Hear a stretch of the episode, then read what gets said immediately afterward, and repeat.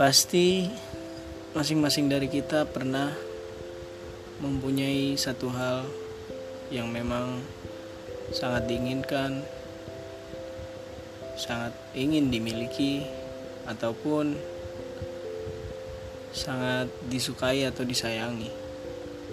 Walaupun dunia ini menolak keberadaan itu, ataupun dunia ini hanya melihat itu semua sebagai omong kosong